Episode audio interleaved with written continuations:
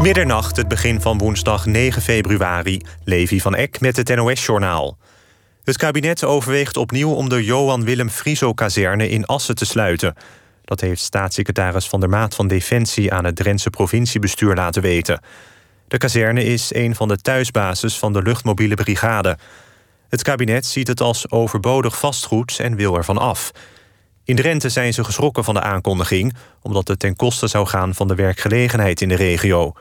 Ook in 2011 en 2013 werd de kazerne in Assen met sluiting bedreigd vanwege bezuinigingen. De bewoners die waren geëvacueerd uit een flat in Heer Hugo Waard vanwege stankoverlast mogen weer terug naar huis. Volgens de veiligheidsregio ging het om een penetrante lucht en daarom moesten de 100 bewoners van de 47 appartementen hun huis uit. De brandweer is iedere woning afgegaan om uit te zoeken waar de lucht vandaan kwam, maar het is nog niet duidelijk wat de geur veroorzaakte. De politie gaat de komende dag verder met het onderzoek in de flat in Heer Hugo Waard. De Italiaanse regering heeft de verplichting om buitenshuis mondmaskers te dragen opgeheven. Dit besluit komt nu het aantal nieuwe besmettingen en ziekenhuisopnames al een aantal weken afneemt in Italië. Volgens de nieuwe regels is het tot april alleen nodig om mondkapjes te dragen in drukke ruimtes en op openbare binnenlocaties. Het ziekteverzuim in de ziekenhuizen is de afgelopen week verder toegenomen, meldt de Nederlandse Zorgautoriteit. Ook huisartsen en de thuiszorg hebben een hoog ziekteverzuim. Op verpleegafdelingen is het ziekteverzuim opgelopen van 9 naar 10 procent. Hoewel de druk op de IC's opnieuw iets afneemt, is ook hier het verzuim toegenomen.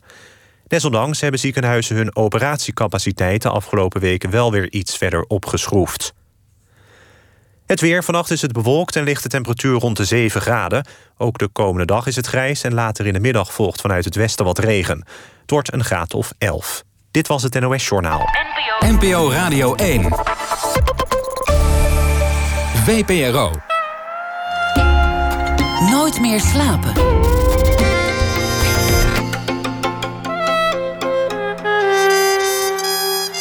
Met Pieter van der Wielen.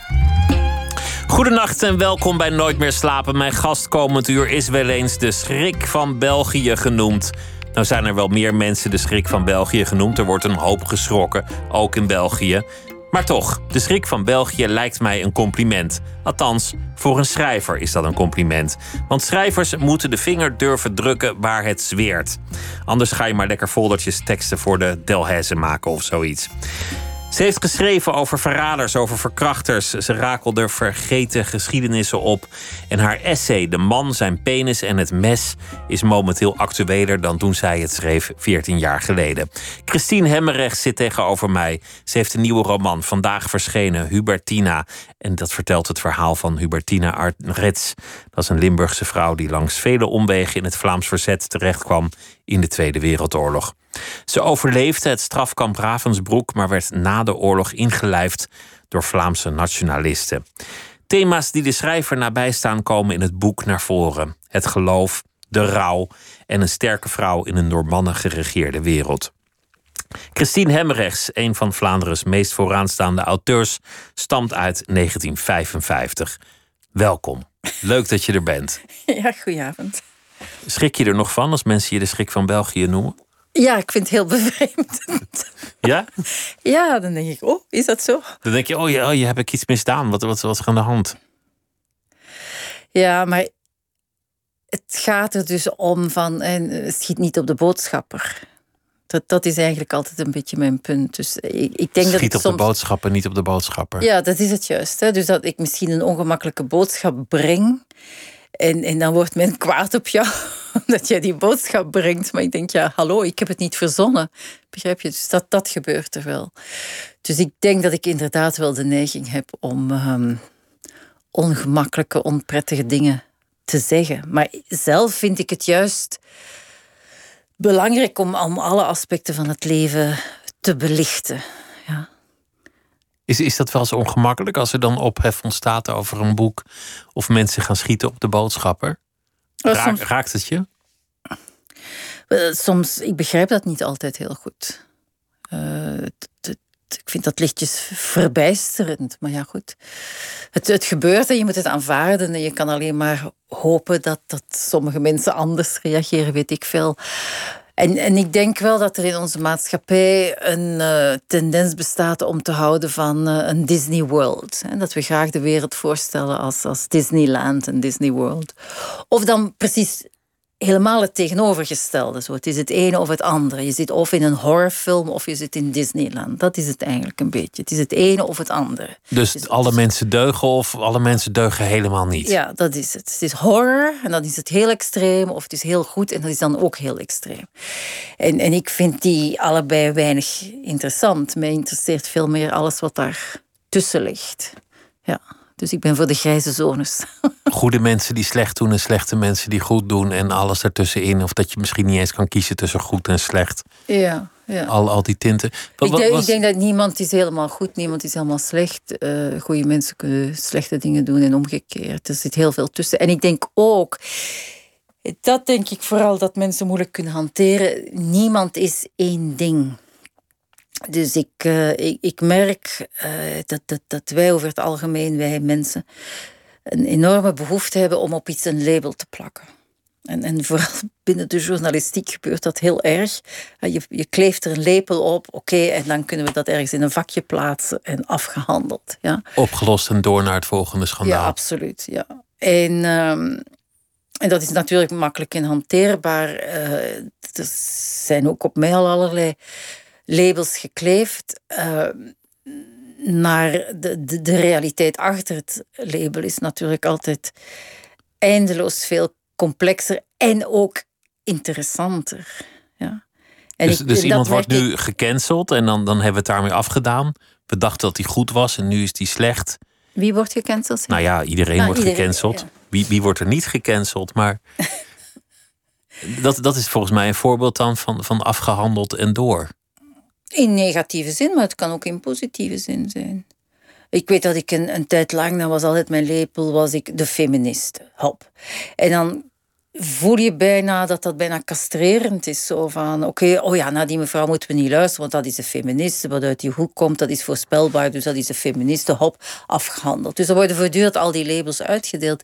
En ik, ik ben er vrij zeker van dat wat een, een, een schrijver doet of moet doen, een goede schrijver moet doen, is precies gaan kijken achter die labels. En dat op een, op een heel, heel doorgedreven manier doen. Dat je eigenlijk uiteindelijk, als je erover doordenkt, is elk, elk woord is een label. Van zodra dat wij uh, woorden gebruiken, zijn we aan het labelen, gaan we dingen benoemen. Ja?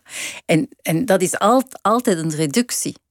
Kan het dan wel wat jij wil? Kan je dan voorbij die woorden komen? Kan je dan voorbij labels komen? Is de taal niet gewoon onmachtig? Wel, uiteindelijk kun je het niet. Uh, uiteindelijk ga je opnieuw woorden gebruiken om te proberen die, die woorden te, te problematiseren en, en, en rijker te maken. Ja?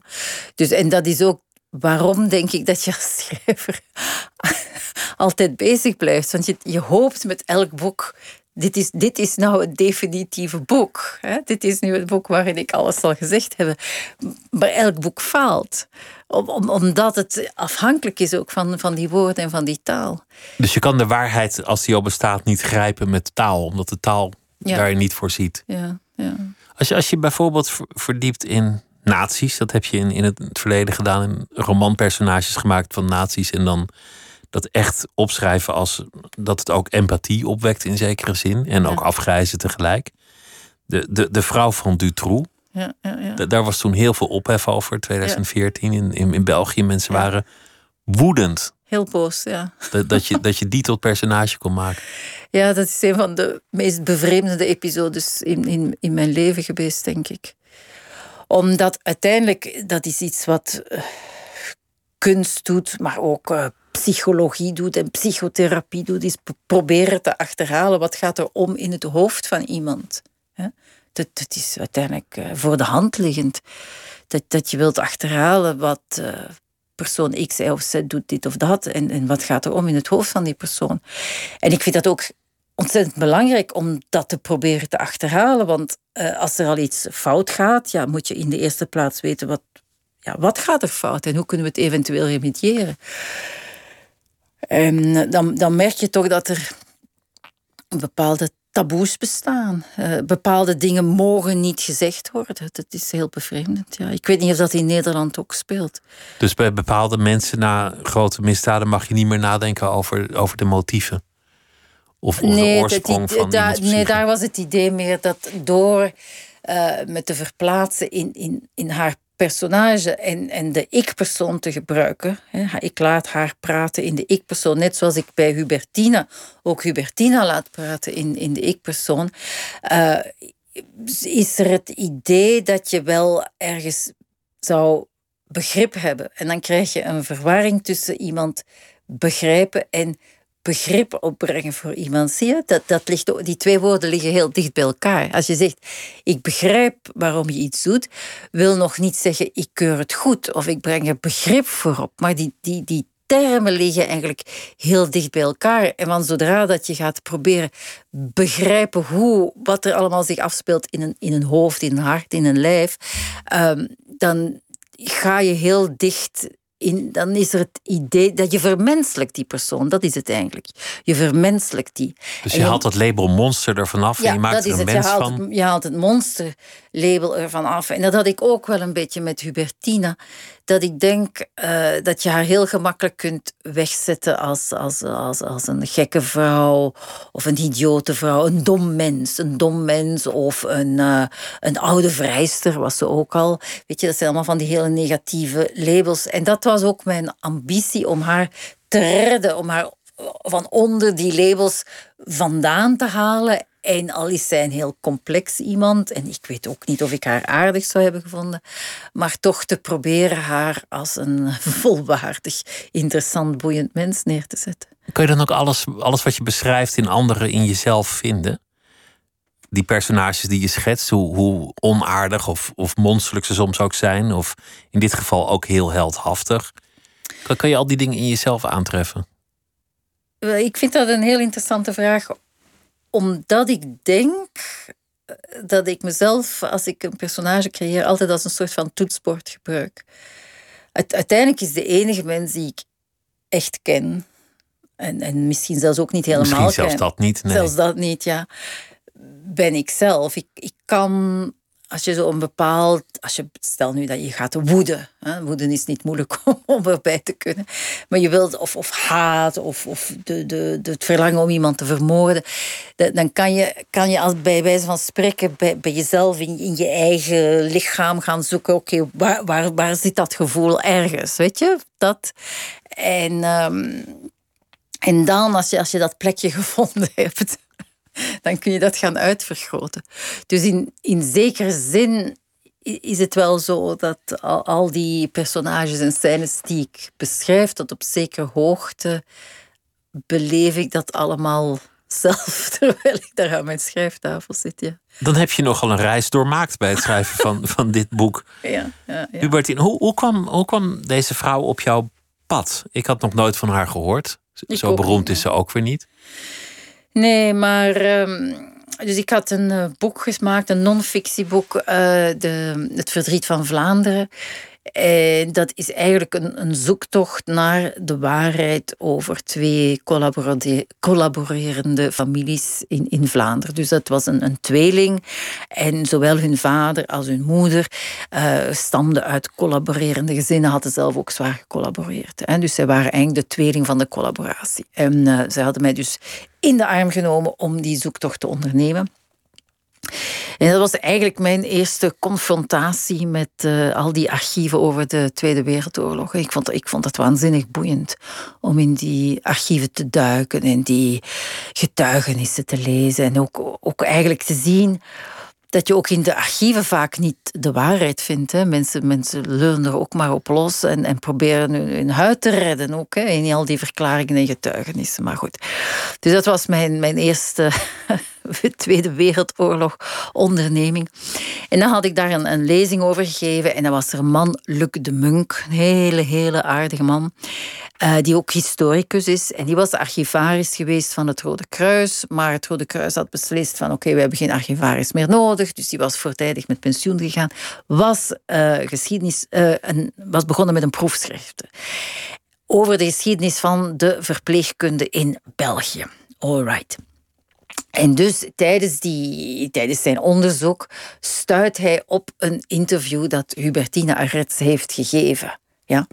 Want Hubertine Arets, ik geloof dat niet helemaal, heeft altijd gezegd dat ze verpleegster was. Ik geloof dat niet helemaal. Maar goed, en daardoor, dus hij met zijn onderzoek naar verpleegkundigen uh, kwam bij dat interview terecht. En om een of andere reden zei die man: Goh, Christine, ik denk dat, dat jij dat gaat interessant vinden, het verhaal van deze vrouw. En ik heb nogal de neiging om veel dingen interessant te vinden. Ik heb een nieuwsgierigheid. Ik heb een grote nieuwsgierigheid in mezelf. Dus als, als jij mij morgen mailt van... Christine, zou je dit of dat... Ik kan altijd wel zeggen, oh ja, oké, laten we even kijken. want als je nee zegt, ja...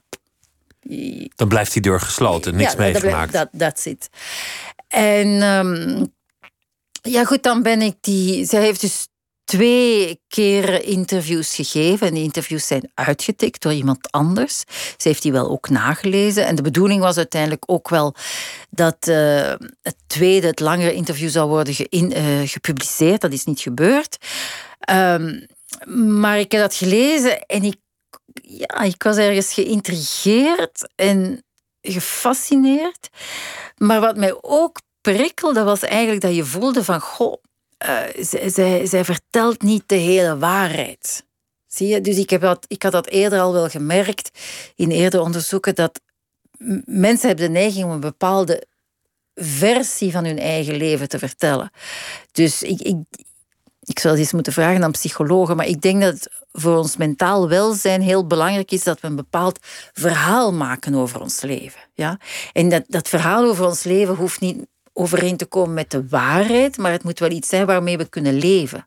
Dus bijvoorbeeld als je in therapie gaat hè, en, en dan helpen ze je om een verhaal te maken over je leven waarmee je kunt leven. Het is niet belangrijk of het helemaal klopt, met de werkelijkheid, maar je kan ermee leven. Je kan want, zeggen, want je kunt dat verhaal ook bijstellen naar een comfortabelere versie. Eh, ja, en ook je kan zeggen, ja, ik ben zo en zo, want mijn vader dit, mijn moeder dit, mijn oom dat, et cetera. En dan, it makes sense, you know, it sort of makes sense. Dat is heel belangrijk, dat het dat je kunt allemaal een beetje gaan plaatsen.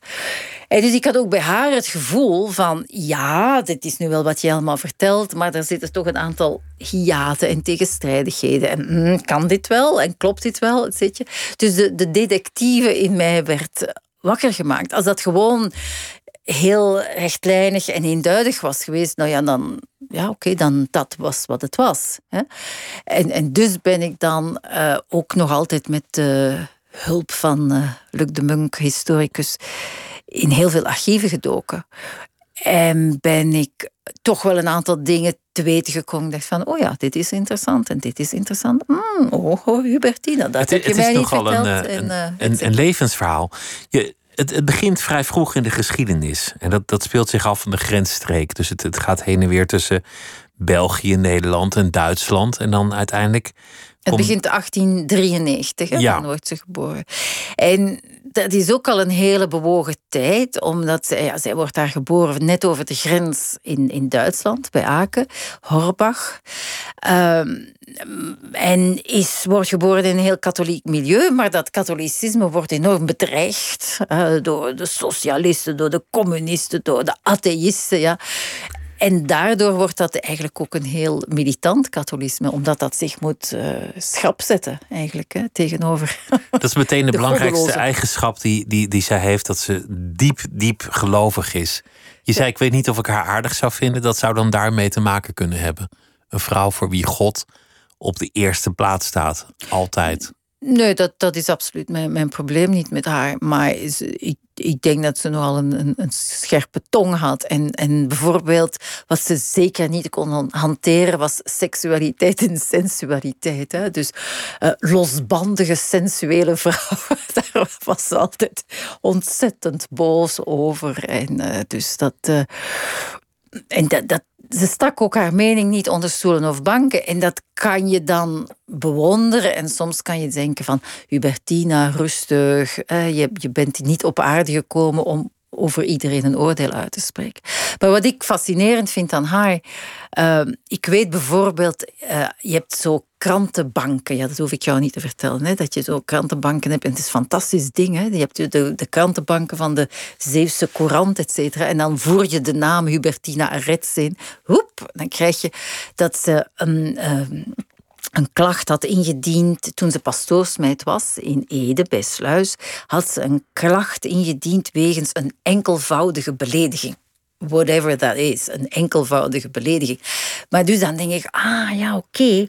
Dat is dus iemand die zich snel beledigd voelt. Hè? En die dan ook nog eens gaat de stap zetten om een klacht in te dienen. Die het niet pikt en die iemand aanklaagt. Ja, ja en dus ook in de latere fases in haar leven was er wel iemand die, wij, wij zeggen op haar strepen stond, zeg je dat in Nederland? Ja. Ja, oké, ze stond op haar strepen. Dus, dus aan de ene kant krijg je iemand die als pastoorsmeid eigenlijk ja, veroordeeld is tot nederigheid en dienstbaarheid. Hè?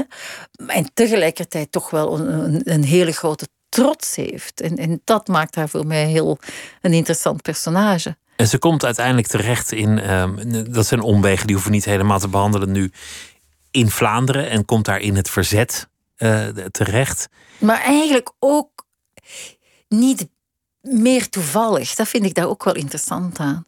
Dat, dat je ziet dat of je al dan niet uh, in het een of het andere kamp terechtkomt, heeft uiteindelijk ook te maken met omstandigheden en, en toevalligheden. He, dus zij is uh, in, de eerste, in eerste instantie is zij gaan werken voor de vijand. dus de, de Duitsers hadden het militaire hospitaal vlak in mijn buurt. Want alles, heel veel van wat er in dat boek zich afspeelt, is echt, echt in mijn buurt. Dus in Antwerpen? In Antwerpen, ja. Dat was heel bevreemdende voor mij. Dat ik door die straten liep. Ah, ja, hier dit, hier dat. Dus, maar je hebt daar een militair hospitaal. En op het moment dat de Duitsers België bezetten, gaan ze ook dat militair hospitaal inpalmen. En, palmen, en dat wordt dan het Kriegslazaret. Ja? En dus zij, in 1 augustus 1940, dus de Duitsers vallen binnen 10 mei, in augustus uh, 1940 gaat zij daar solliciteren om, om, gaat ze werk vragen. En zij wordt daar aangenomen als hulpverpleegster in, een, uh, in de afdeling besmettelijke ziektes. Zo de corona van die tijd, dat was toen dysenterie en, en tyfus. Hè. Daar wordt ze als nachtverpleegster aangenomen. En uh, dat is trouwens na de oorlog heeft men gezegd: ja, maar jij bent uit vrije wil voor de Duitsers gaan werken. Ja, dus dat heeft eigenlijk nog na de oorlog moet zij dan het statuut krijgen van politieke gevangenen, hè, oorlogsslachtoffer. En dan hebben ze gezegd, ja, in eerste instantie hebben ze haar dat geweigerd, omdat ze daar is gaan werken voor de Duitsers. Maar goed, dat is dus latere jaren. Uh, maar zij werkt daar en dan op een bepaald moment, dat is wel een mooi verhaal, was er dus een. Uh, de Duitsers hadden rare kronkels. Er was een spionne, Nadia van Duisburg. En die, was, die spioneerde, een Belgische, die spioneerde voor de geallieerden. Die was opgepakt, die zat in de gevangenis en ze zouden die executeren. Maar die had een longontsteking. En dat is iets wat ik niet goed begrijp aan de Duitsers. Zij moest eerst herstellen van die longontsteking. Voor en... ze doodgeschoten kon worden. Ja, dat, dat, is toch hilarisch? Ja, dat is zo bizar. Ik begrijp er helemaal niets van. Hè. De, de psychologie van de nazi's. Maar goed. Je kan ook zeggen de bureaucratie van de nazi's. Ja, misschien inderdaad. Maar goed. Dat is nou echt bureaucratisch denken. Van eerst genezen, dan dan. En dan worden we weer dood. Dus zij worden overgebracht naar, die, naar dat militaire hospitaal. En daar is een deel van dat hospitaal is inderdaad voor gevangenen en onder groot toezicht. En zij wordt bewaakt door een Duitse soldaat die verliefd op haar wordt. Geef toch toe, we kunnen daar nog een film van maken. En die, die verliefde soldaat die vindt het zo erg dat Nadia zal worden doodgeschoten. En die neemt contact op met uh, Hubertina en nog met een andere verpleegster en zegt van kunnen jullie niet haar helpen ontsnappen? En dus dat heeft zij dan ze heeft dat gedaan. En dat heeft eigenlijk had dat niet zoveel voeten in de aarde om die te helpen ontsnappen. Die vrouw ontsnapt. In eerste instantie gebeurt er niks. In tweede instantie eh, komt men er, wordt zij verraden, komt men erachter dat, dat zij betrokken is en gaat ze voor de eerste keer naar de gevangenis. Maar dat is dus niet een heroïsche beslissing van oh, hier heb je het nazisme en ik ga ten strijde trekken tegen het nazisme. Het is meer door de omstandigheden, ja. ja. Je, had het, we hadden het eerder over het goed en het kwaad. Nou, al het slecht in de mensheid zit in, in het boek. Mensen zijn verraders, maar het is, het is ook zeg maar dat de Duitsers in Nederland voor de oorlog, die, die worden ontzettend slecht behandeld. Daar komt die belediging ook vandaan. De Joden die worden in Nederland slecht behandeld, reeds voor de oorlog. In België ook. Die willen die vluchtelingen helemaal niet hebben. Hmm. Vervolgens eh, worden de Joden natuurlijk gruwelijk behandeld door, door, de, door de nazi's. Die geschiedenis kent iedereen. Maar ook het enorme verraad onder Belgen. Vooral de, de, de pro-Duitse Flaminganten. Die denken dat, dat hun taalstrijd gewonnen zal worden met Duitse hulp. Dat, dat is echt chockerend hoeveel mensen die verraden hebben. Na de oorlog dan wordt uh, Hubertina weer als een collaborateur gezien. Dus, dus die wordt dan eigenlijk ook weer gruwelijk en honds behandeld. Het slechte van de mens dat zit, zit eigenlijk door dit hele boek. Het slechte en het goede. Eh, dat, dat was toch iets dat mij enorm trof. Ik, um, ik heb heel nadrukkelijk willen een, een aantal goede mensen een vermelding geven. Zo van hier is een lijstje van de goede mensen. Uh, met, met name bijvoorbeeld een figuur als Hugo Mortelmans. En Mortelmans, dat zal, zal jou niks zeggen, maar Lodewijk Mortelmans, die naam ken ik wel, dat was een, een componist. En, en die woonde ook trouwens vlak in mijn buurt. En uh, hij had een zoon, Hugo Mortelmans. En die Hugo Mortelmans, die uh, woonde in een huis en de verdieping onder hem woonde een Joods gezin. En dus oké, uh, in 42 krijg je de grote razzia's in Antwerpen. Hij beseft van oké, dit is veel te gevaarlijk voor dit gezin. En hij en zijn vrouw hebben hun paspoort gegeven aan die Joodse mensen. En ze hebben hun kindje, ze hadden een kindje van vier jaar, hebben zij in hun huis opgenomen. Zie je? Dus dat is uiteindelijk een, een heel eenvoudig gebaar van oké, hier, hè, mijn, mijn paspoort. Waardoor je wel het leven van die mensen, want die mensen zijn inderdaad gevlucht naar Zwitserland en hebben de oorlog overleefd. Dus je ziet, en dat vind ik, vond ik zelf um, enorm fascinerend en aangrijpend, dat door die, die extreme situatie van de oorlog krijg je mensen die radicaal kiezen voor het slechte, maar ook mensen die radicaal kiezen voor het goede. En dan heb je een heleboel mensen die, die geen keuze maken en gewoon proberen te overleven. Dat heb je ook. Maar er zijn, er zijn mensen die, die die keuze maken voor het goede. En, en, en ik denk in alle eerlijkheid, dat klinkt nu heel christelijk, maar ik, ik, ik denk dat we ook moeten daarop focussen. Want als je niet op het goede, om die keuze voor het goede focust, ja, dan, dan is er totaal geen hoop meer. Als, heb je, zeg je daarmee dat je ook een boek over nu hebt geschreven? Of een, of een boek met een, een boodschap voor het heden? Dat dat toch ergens in je hoofd meespeelde? Ja. Ja, en ik was me enorm bewust wanneer ik dit schreef. Ik, ik had een aantal boeken ook gelezen over, um, over, over die jodenvervolgingen en, en hoe dat concreet in zijn werk ging, ook al in de jaren dertig eigenlijk. Hè, hoe Joden werden weggestuurd, hoe moeilijk het was om, om ergens een plek te vinden waar ze welkom waren. Niemand wilde ze hebben, hè, dat was de uitspraak. En als je dan leest. Uh, hoe de Joden moeten, vooral van na, na 1938, wegvluchten uit, uit Duitsland, ook uit Oostenrijk.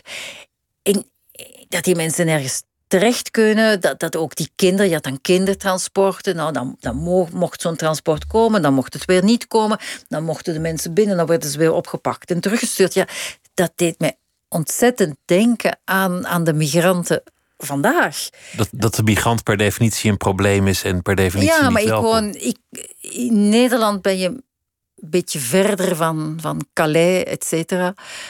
Maar in, waar ik woon ben je uiteindelijk niet zo ver van, van, van, van de kust en de plekken waar de migranten proberen met bootjes over te steken naar uh, Groot-Brittannië. De, de, de kampen hè, waar de migranten zijn in, in, in Calais, in het noorden van Frankrijk, die, ja, dat is allemaal niet zo ver. En dat, dat gebeurt vandaag. Ook, ook vandaag zijn, zijn er heel veel mensen uh, wanhopig op de vlucht en, en hopen ergens onthaald te worden. Ja? En, en ook vandaag is er die reflex op de grenzen te sluiten van ja, te veel is te veel. Uh, het is hier al zo druk, het is hier vol, we moeten onze eigen ja, dus- samenleving dus, bewaren. Die argumenten. Ja, dus ik, ik hoop, ik ben blij dat, dat je de link legt met vandaag. Dat, dat, dat is één ding en ook die, die, die geweldige polarisering uh, die, die je krijgt in de oorlogsjaren en in de jaren nadien. Ja, dat, dat is vandaag ook niet anders. Hè? Die Hubertina die komt terug uit gevangenschap en die gaat het daarna opnemen voor allerlei mensen die vervolgd worden. Ook mensen die, die fout zijn geweest, die in België uh, nou ja, op allerlei manieren vervolgd of, of nagejaagd worden. omdat ze aan het Oostfront zijn geweest. of op een andere manier hebben gehuld met de vijand. Het is eigenlijk wonderlijk dat zij als slachtoffer van de nazi's. Zich inzet juist voor de mensen die aan de verkeerde kant stonden. Ja, dat, dat was uiteraard uitzonderlijk. Maar ook niet compleet uitzonderlijk. Er was een, een andere man sorry, Louis Kieboms. En Louis Kieboms die was hoofdredacteur van een, een krant, een, een Belgische krantengazet van Antwerpen. Die heeft ook heel de oorlog in een kamp doorgemaakt. Is dan met zo'n dodenmars teruggekeerd. En tijdens die dodenmars heeft hij al geschriften waarin hij zegt van kijk, uh, we moeten kiezen voor verzoening. Uh, dat, dat land is compleet verdeeld geweest tussen mensen die hulden met de Duitsers, mensen die dat niet deden. Uh, maar we moeten nu wel verder. Het, het, het, is achter de rug. Hoe kunnen we die bladzijde omslaan? Hoe kunnen we verder gaan? En dus hij, hij trok ook die kaart van verzoening. Dus hij was zeker niet de enige die zei van we kunnen niet in onze loopgraven blijven zitten. We moeten eruit kruipen en elkaar de hand reiken. Ja. Um, dus op, op zich vind ik dat idee, het is een beetje ook zo à la Nelson Mandela. Nelson Mandela was ook iemand die van, niet geen wrok, en, en die geen wrok koesterde, ja, die geen wrok koesterde. En wat je in Zuid-Afrika hebt gehad, was die, die Truth and Reconciliation, de Waarheids- en Verzoeningscommissie. Ja? Dus op, op zich is dat een, een prachtige gedachte. Alleen als je zegt waarheid en verzoening, ja, dan is ook waarheid belangrijk. Je kan zeggen, we gaan ons verzoenen, maar eerst moet de waarheid wel worden gezegd. Eerst moeten beide partijen wel erkennen wat er gebeurd is. En in, in Vlaanderen is op dat punt iets zeer bevreemdend, iets dat mij blijft bevreemden gebeurd. Namelijk dat eigenlijk vanuit Vlaams nationalistische hoek men erin geslaagd is om de, de zaak om te keren. En men is gaan praten over de, de slachtoffers van de repressie. En de repressie, wat is de repressie? Dat is eigenlijk het, de bestraffing van de collaborateurs. Dat is een raar woord, repressie, komt uit het Frans repression. Dat is de bestraffing van de collaborateurs. En men is gaan zeggen van kijk, die bestraffing die was buitenproportioneel, die was te, te vreed, te, te, te zwaar. Dat was eigenlijk een wraakoefening. En daarom zijn eigenlijk die collaborateurs zijn slachtoffers. Dus in plaats, dat zij, in plaats van te zeggen dat zij daders waren geweest, heeft men van hen slachtoffers gemaakt. En men is de mensen van het verzet gaan voorstellen als wraaklustig. Het was, ze hadden zoveel wrok en het was nooit genoeg. Ze wilden altijd eigenlijk meer en meer en meer. En dat is wel grappig, je zegt waarheids- en verzoeningscommissie, maar je kan ook constateren dat waarheid in strikte zin onmogelijk is en het toch mm. uiteindelijk een verhaal wordt. En dat mensen zeer flexibel zijn in het creëren van een verhaal. Ja. Je kiest een verhaal dat jou het beste uitkomt. Dit, is, dit lijkt me daar een voorbeeld van. Dat is, dat is inderdaad zo. Dat, want ik kan hier wel zeggen van ja, het is heel belangrijk dat je in de eerste instantie de waarheid erkent en dan kan je maar gaan verzoenen. Maar om te beginnen, hoe ga je de waarheid achterhalen. De mensen van het verzet die hielden ook geen notities bij, uiteraard. En de, collaborateurs deden dat ook niet. Ja? Dus er was heel veel mensen hebben ook eh, verhalen verteld en, en versies ontworpen om, om hun huid uh, te redden. Ja, dat, is, dat is ook logisch. Ja, wat, wat was eigenlijk precies de waarheid? Hoe, de, de geschiedenis is zo'n kluwen. Als je, als je kijkt wat er vandaag gebeurt in Oekraïne, ja, daar is ook niet één waarheid. De ene doet dit en eh, eigenlijk je zou, als je geschiedenis wil schrijven, moet je eigenlijk bijna elke seconde, elke minuut gaan beschrijven. Het is zo, zo rijk en De geschiedenis is te groot om helemaal te beschrijven. Voor, voor wie het inschakelt, Christine Hemmerrecht zit tegenover mij over haar eh, boek vandaag verschenen Hubertina. En we begonnen met uh, dat een schrijver soms de verhalen moet vertellen die niet iedereen wil horen. Dat je de mensheid in volledigheid wil kennen, het goede en het kwade. En dat je eigenlijk jezelf als een toetsenbord gebruikt, jezelf als een instrument om mensen, personages te creëren.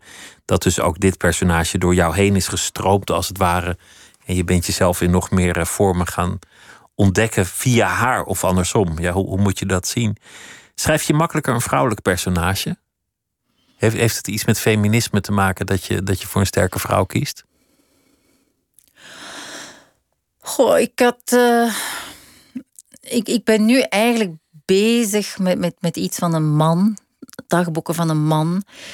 En, en ergens stoort mij dat bijna, dat ik denk van, goh, uh, mannen hebben al genoeg aandacht gekregen. Weer een man, weer een boek en over een man. Ja, dan ga ik mijn, mijn energie en mijn tijd stoppen in het aandacht uh, besteden aan een man. Dus dat heb ik wel ergens, dat ik denk, um, mannen hebben genoeg aandacht gehad.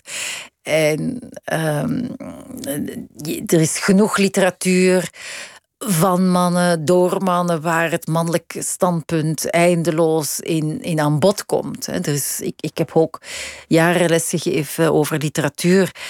En dikwijls dacht ik, oké, daar gaan we weer. Dat is, we zitten weer in, in het hart van, uh, van, van, een, van een man die zich miskend voelt, die, die vindt dat hij niet genoeg liefde krijgt of erkenning krijgt, et cetera. Er is zoveel literatuur. Toen dacht ik wel van, oké... Ook wel hele mooie literatuur over mannen geschreven, natuurlijk ik beweer niet dat dat allemaal niet, niet, niet mooi is, maar het is, wat ik wel vaak moeilijk vind in literatuur, is dat je. Dat de, man wordt voorgesteld als het geschreven is door een man als een volwaardig wezen dat ook denkt en voelt, terwijl de vrouwen zijn, uh, zijn vaak geen, geen denkende en voelende wezens, maar louter handelend Zie, zie je wat ik bedoel? Dus de, je, de, de personages, de mannelijke personages, zit je ook in hun hoofd en zij reflecteren. Ja, er is een bewustzijn. En het vrouwelijk personage heeft, heeft dat niet, ja, is, is daardoor uh, bijna op moreel gebied een, iets lager, op een lager trapje, omdat er niet dat bewustzijn is en niet dat reflecterende is. Of bestaat alleen in verhouding tot de man in nog erger ja, gevallen. En, en de vrouw is dan vaak meer een, een soort van object waarnaar verlangd wordt. Er zijn ook heel veel vrouwen die, die, die sterven in romans, want ja, er wordt verlangd naar die vrouw. En uh, bijvoorbeeld Turks fruit is, is, is een enorm goed voorbeeld daarvan. En er wordt naar die vrouw verwacht, verlangd. En dan, ja, nou ja, dan hebben we die vrouw gehad. Dan wordt ze afgevoerd. Dan krijgen heel veel meer vrouwen krijgen kanker in die romans dan in de werkelijkheid bijna. Boetaan is gezegd. Hè. Ben, je nieuwsgierig? Als, want je zei, mijn personages stromen door mij heen. Het is ook een onderzoek naar de mensheid. Ben je nieuwsgierig naar het man zijn? Je, je hebt eens de vraag gesteld hoe het is om een erectie te hebben, bijvoorbeeld. Wel, er zijn aspecten van het man zijn waar ik niet helemaal bij kan. Omdat ik geen man ben. dus, zou, zou je het willen weten? Ja, natuurlijk wil je dat weten. En ik, ik heb uh, zo'n essay geschreven, De man zijn penis in, in, in het mes. En dat ging echt uit van uh, hoe, hoe zit die lust in elkaar? Hoe, hoe, hoe gaat dat in zijn werk van het, het willen nemen van, van een vrouw? Weet je, het willen hebben van een vrouw. En dat was ook dat mes. Dat was dat iemand zei. Ja, iemand zei tegen mij: het voelt alsof je een mes hebt in je broek. Dus ik denk, maar je moet ik heel erg opletten wat ik zeg. Maar ik, ik ik denk, neem het mij niet kwalijk, dat, dat er daar een verschil is in, in mannelijke seksualiteit en, en vrouwelijke seksualiteit. Maar ik ben er ook niet zeker van, want het kan zijn dat ik geconditioneerd ben om een vrouwelijke seksualiteit te beleven. Weet je, het is allemaal ook moeilijk te achterhalen. Dus, uh, maar dat... je, je bedoelt of het wel echt bestaat of dat het dus gewoon een cultureel gegeven is? Ja, en, uh, en dus de, de mannelijke seksualiteit kan ik eigenlijk maar kennen als observator. Dat, dat essay, destijds werd het door een, door, niet door iedereen, maar door een paar recensenten een beetje weggezet van ach ja, dat is een, feministisch pamflet of iets. Nu zou het hyperactueel zijn mm. met, met alles wat er aan de hand is rond The Voice en, en, en nou ja, de, de voetbal. en... Het, probleem in mijn leven, ik, ben al, ik kom altijd te vroeg. In dit, in dit geval denk, denk ik dat de timing, als je, als je deze week uitbracht, dan, dan had je alle, alle bijlagen. Ja, ja, ja, ja, ja. Ja, dat heeft mij vaak verbijsterd. Maar ik ben absoluut niet iemand die een, een pleidooi zou willen houden voor van dit boek moeten we niet meer gaan lezen, want et cetera. Ehm, dus dat, dat vind ik verkeerd. Maar ik vind wel dat je, in tegendeel bijna, maar ik vind het wel heel belangrijk dat als je bepaalde teksten leest of bepaalde films bekijkt of theaterstukken, dat je er oog voor hebt van wat er daar aan de hand is. Dat je, hè, dat, begrijp je? Wat ik bedoel? Dus er zijn, ontzettend, er zijn ontzettend veel uh, boeken ook waar er zo'n soort van racisme is en antisemitisme.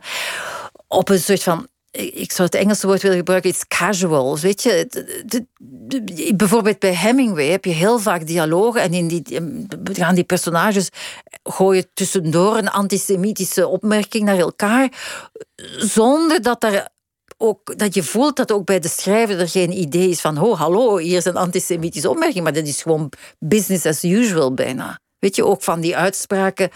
Um, hoe heet die man weer? John Updike. Ja? Als je die leest bij uh, Rabbit Run, ja, hoe, dat, hoe dat die mannen onder elkaar praten over vrouwen, dan denk je: hallo, wat gebeurt er hier? Maar dat wordt niet bekritiseerd. Voor, voor, voor John Updike is dat that's how men talk about women. You know? Dat was verder geen thema, dat was gewoon een sfeerbeeld. Het is geen punt, het is gewoon, ja, het is gewoon een gesprek. Dat we hebben een leuk gesprek. En ik vind dat wel interessant om dat dan te lezen en te weten van Ah, oké. Zo, zo werd er gepraat, zo dachten mannen. Je moet dat boek niet gaan uh, cancelen. Je moet niet zeggen, je mag dat niet lezen. Maar je kan wel, als je dat leest, mensen daarop wijzen. Er kan een soort van bewustzijn zijn. Want je zou zeggen, volgens jouw filosofie, ook als je de, de nazi's beschrijft en, en de vrouw van Dutroux, dat boeken juist vol moeten staan met racisten, seksisten, met... Uh, verkrachters en plunderaars, met, met eh, blasfemisten en antisemieten. En dat echt al het kwaad van de wereld gewoon in de literatuur moet. En ook in de bibliotheek en ook op je leeslijst. Ik vind dat ook een. Ik vind eigenlijk, terwijl ik dit aan het zeggen ben, begin ik zo een beetje te denken van oeps, is, is, klopt het wel wat ik zeg? Want ook in Hubertina, op een bepaald moment gaat ze in zekere zin een fout standpunt verkondigen na de oorlog. En dan komt ze heel erg terecht in extremistische Vlaams-nationalistische kringen. Maar ik heb dat geschreven vanuit haar standpunt. En ik vind als je dat leest, dan ga je helemaal mee met haar standpunt. Ja, daar wordt eigenlijk geen, geen afstand van genomen. Dus ja, en, en dan is er wel een soort van nawoord waar ik wel afstand ervan neem. Ja.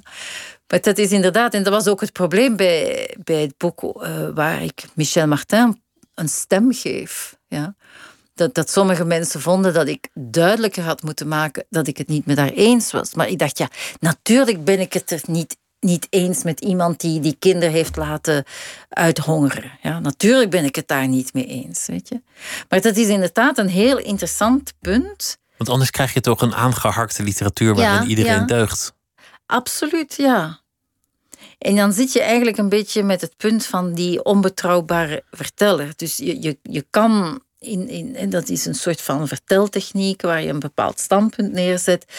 Maar door overdrijving of zo ga je duidelijk maken van ik ben het niet eens met dat standpunt. Het is een, dat heet dan de onbetrouwbare verteller maar ik weet eigenlijk niet, uh, ja, wat zijn de signalen waardoor een lezer oppikt van hmm, die verteller is eigenlijk onbetrouwbaar. Ik moet die standpunten niet, niet geloven. Dus ja, ik denk wel, ik, ik ben zeker niet, absoluut niet uh, voorstander van censuur. Ik ben wel een grote voorstander van goede lezers en, en kritische lezers. Dat je dat je inderdaad niet meegaat met elk standpunt dat wordt neergezet in een roman, maar dat je ziet van, oh, ik, ik kan ook kritisch staan tegenover dat standpunt. MeToo in de literatuur gaat vaak over de gevallen man en met veel medelijden beschreven.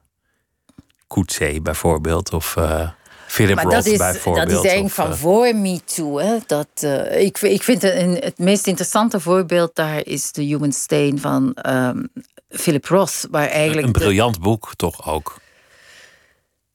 Wel, Roth is in dat opzicht uh, een, een, moeilijk geval, omdat aan de ene kant is dat een, een briljant schrijver, maar aan de andere kant is het ook zo ja, zo'n mannelijk standpunt. En dan op een bepaald moment heeft hij geprobeerd om, om dan ook meer een feministisch standpunt neer te zetten. Dan gaat hij daar ook helemaal in overdrijven. Um, maar het is heel vaak een, een, mannelijke fantasie, zoals The Dying Animal. Ik weet niet of je dat hebt gelezen, maar dan, dan heb je zo'n zo'n oude prof en dan heeft hij Consuela, denk ik dat ze heet. Een prachtige jonge student die dan helemaal voor hem valt. Dan denk je, ja, dat moet toch zalig zijn. Ik, ik kan me niet voorstellen dat ik zou een roman schrijven over... ik ben nou 66, een 66-jarige docent. En dan is daar een prachtige jonge man die helemaal verliefd wordt op die 66-jarige docenten. Dat is een fantasy. Ja, het is een male fantasy. Maar dus hij, hij schrijft dat dan in die Dying Animal en komt daar dan ook nog mee, mee weg. En in de, in de Human Stain gaat het dus over uh, een, een, geval van, van, van Me Too. En dan wordt de vrouw die dat aanklacht echt wel neergezet als een hysterica. Hè. Een, als een rancuneuze. Ja, en ze is dan ook nog geïnteresseerd in, in Franse literatuurtheorie. Dus dat is al helemaal fout dat, dat ze daarin geïnteresseerd is. Hoezo? Wel, in het boek wordt dat zo neergezet, hè, alsof... Oh ja, dat, dat, is, dat, is een hopeloos, een hopeloos geval ja, van, ja... Dus, uh, ze is eh, fan van Luce Irigaray en, ja, en Hélène Sixou, ja. Say no more, hè, dat uh, typeert daar helemaal. We, we, hadden het over religie, een, een thema in het, in het leven van je personage. En, en toch in jouw leven ook een thema weer geworden. Ja. Opgevoed in, in, in een, een katholieke land, in een katholieke omgeving en misschien tegen je eigen verwachtingen in op, op latere leeftijd toch weer iets gevonden in de kerk. Ja, en eigenlijk was ik al, uh, had ik me al verdiept in Hubertina. Dus het is niet zo dat ik daarom mij tot een katholiek personage gewend heb. Dus die twee hebben, hebben, eigenlijk niks met elkaar te maken. Uh, maar het is wel zo, ja. Het is zo, ja. Hoe gaat zoiets? Um, goh, daar zijn ook verschillende versies over. Ik kan daar ook verschillende verhalen over vertellen hoe dat, hoe dat gaat.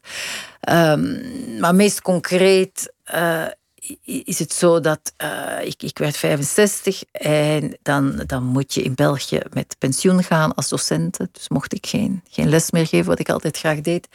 En ik dacht van, goh, het is wel goed als ik in mijn week nog een aantal vaste punten heb. Zo. Dan moet je dit doen. Ik dacht, het is niet goed als het gewoon al die dagen allemaal één grijze soep worden. Dus, dus dan op dinsdag bridge, woensdag badminton en dan zondag de kerk. nee, nee, nee, nee. Maar ik dacht, ik ga vrijwilligerswerk doen. En dan ben ik eerst een beetje gaan zoeken bij het Rode Kruis. En dan ben ik terechtgekomen bij Sant'Egidio.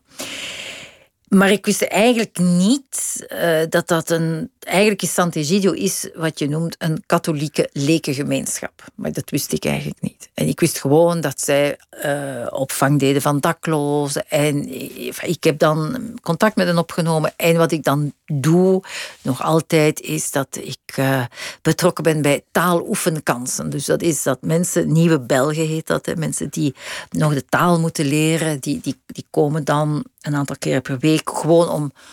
Het idee is dat je hen een kans geeft om het Nederlands dat ze verworven hebben in de les, om dat te oefenen. En tegelijkertijd wordt er eigenlijk vriendschap gesloten. Dat is eigenlijk. Hè. Dus dat ben ik dan gaan doen. En ik leer die mensen kennen en ik, ik vond dat allemaal fantastische mensen. En ik dacht van, goh, dit, dit is toch een bijzondere club. Ik ga een reportage maken over hen.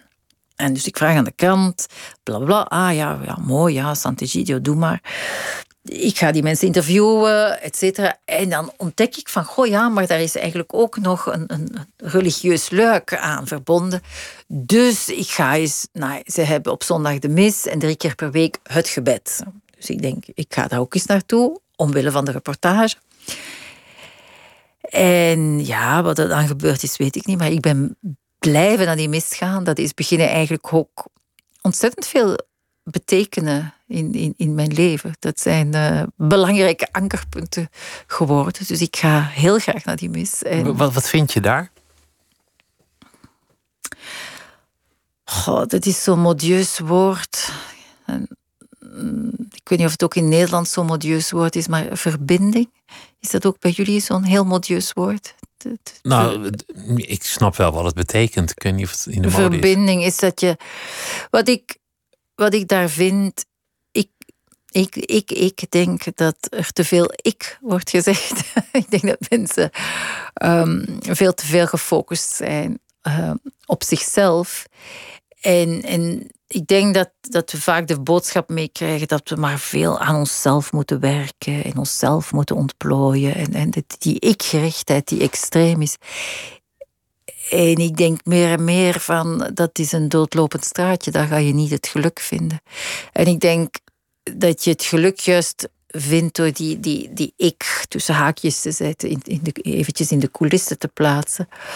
En meer te concentreren op de verbinding met andere mensen, maar ook met iets wat dat menselijke overstijgt en wat je dan eventueel het goddelijke kunt noemen. Ik, ik heb daar ook niet meteen een naam voor. Ja. Het, het grotere, zeg maar. Het grotere, ja. En dus wat je in die misvieringen krijgt, want het, en, en ook in het gebed, is, is precies. Het is een ervaring van nederigheid. Uh, dat vind ik ook wel beetje confronterend. Dus je, je, je zegt gebeden mee. Uh, die gebeden die je soms ook niet helemaal begrijpt, waar je het misschien ook niet helemaal mee eens bent. Um, dus je zegt, ik als schrijver zeg teksten van anderen, hè? niet mijn eigen tekst, maar teksten van anderen. Dus dat heeft ergens een, een aspect van nederigheid.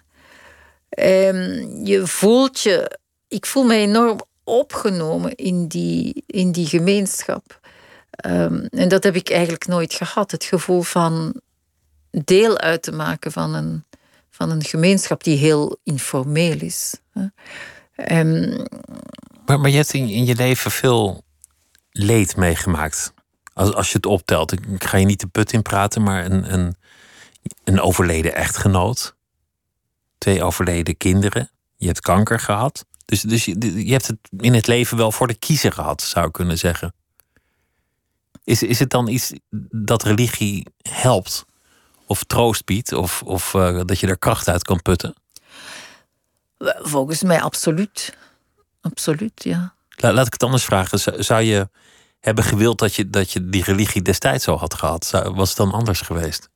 Goh, dat, dat is moeilijk om te zeggen. Ik weet heel goed dat toen uh, mijn kinderen stierven,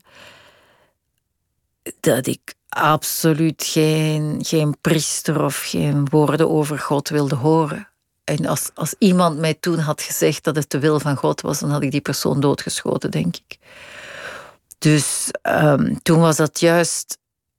Dat was toen een, een, een wereld zonder betekenis, zonder zin en ook absoluut zonder God. En dat was een hele kale, koude wereld en ik zou niet verdragen hebben dat iemand toen zei dat het niet een kale, koude wereld was. Begrijp je dat? Dat, dat was weg zo. En ik ben eigenlijk uh, veranderd naar aanleiding van, eh, na de dood van Herman, Herman de Koning, uh, met wie ik getrouwd was, heb ik een boek geschreven over hem, Taal zonder mij. Dat, dat boek is heeft enorm veel mensen aangesproken. En toen heb ik heel veel lezingen gegeven, ook vooral in Nederland. En na elke lezing stonden daar zo een, een stoet mensen die ook hun verhaal kwijt wilden. Allemaal weduwen. Allemaal weduwen, ja. En dat was heel grappig, weet je. Ik had dus dan ineens bestaat de stad alleen maar uit weduwen. Ja, maar ik had in, in, dat boek een zinnetje geschreven dat ik niet zo lang na zijn dood met, met iemand naar bed was geweest. Dus uiteraard niet met hem, want hij was dood.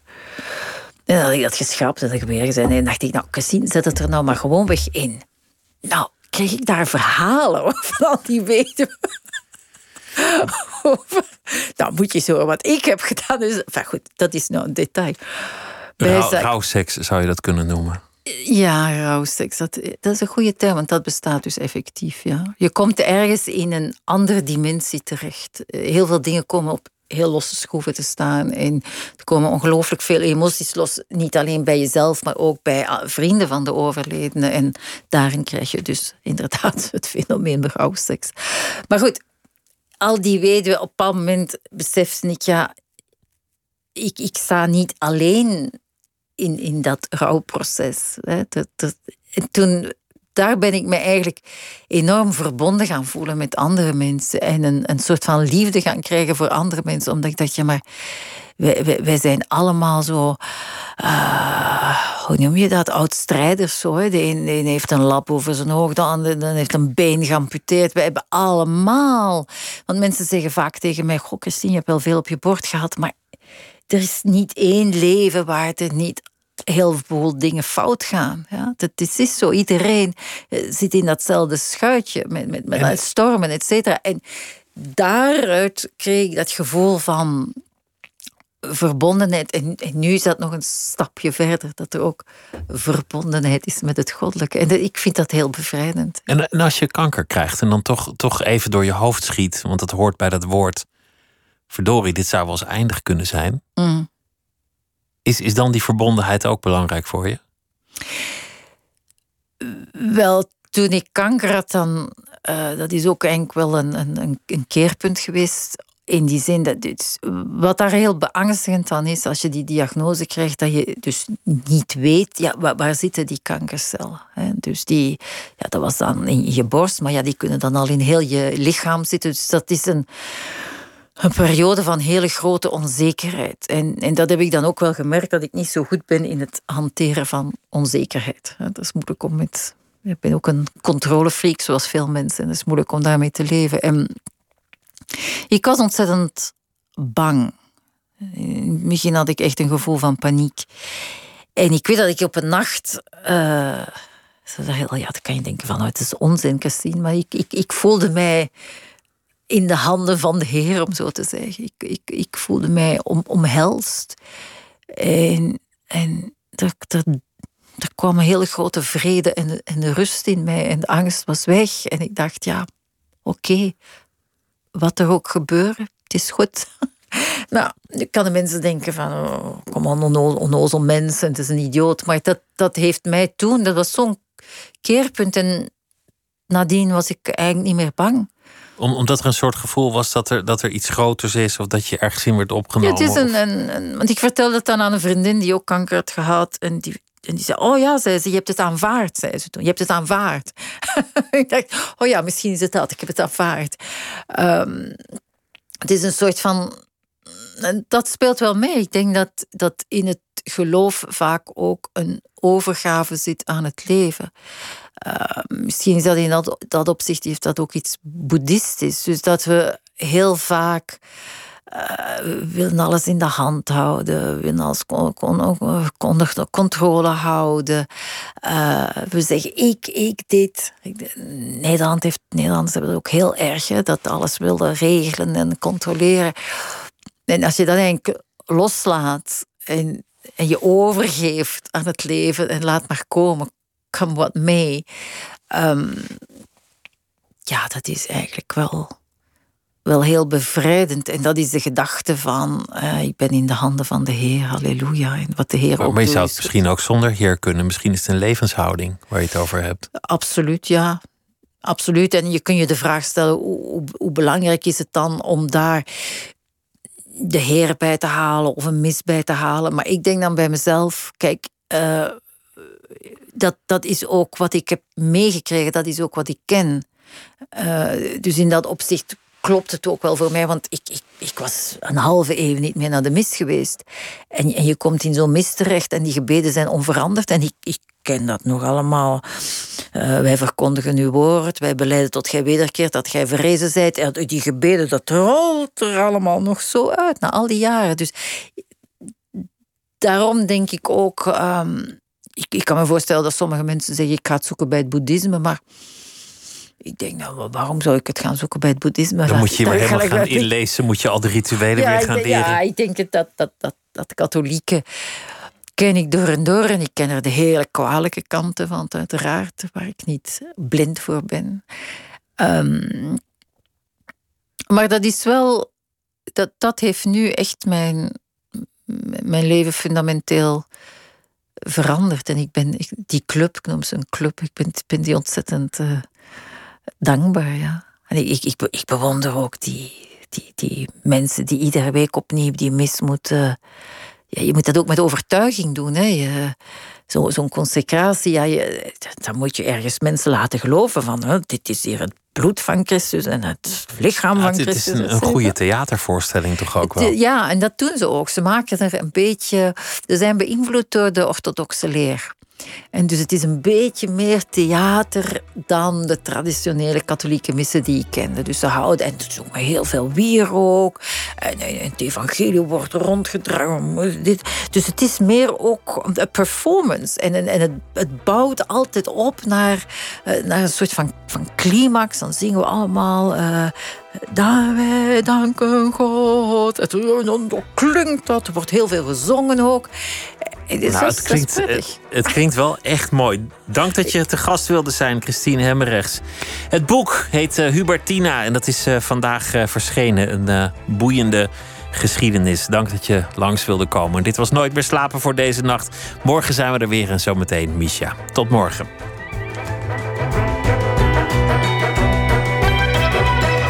NPO Radio 1. Wie luistert, weet meer. NPO Radio 1.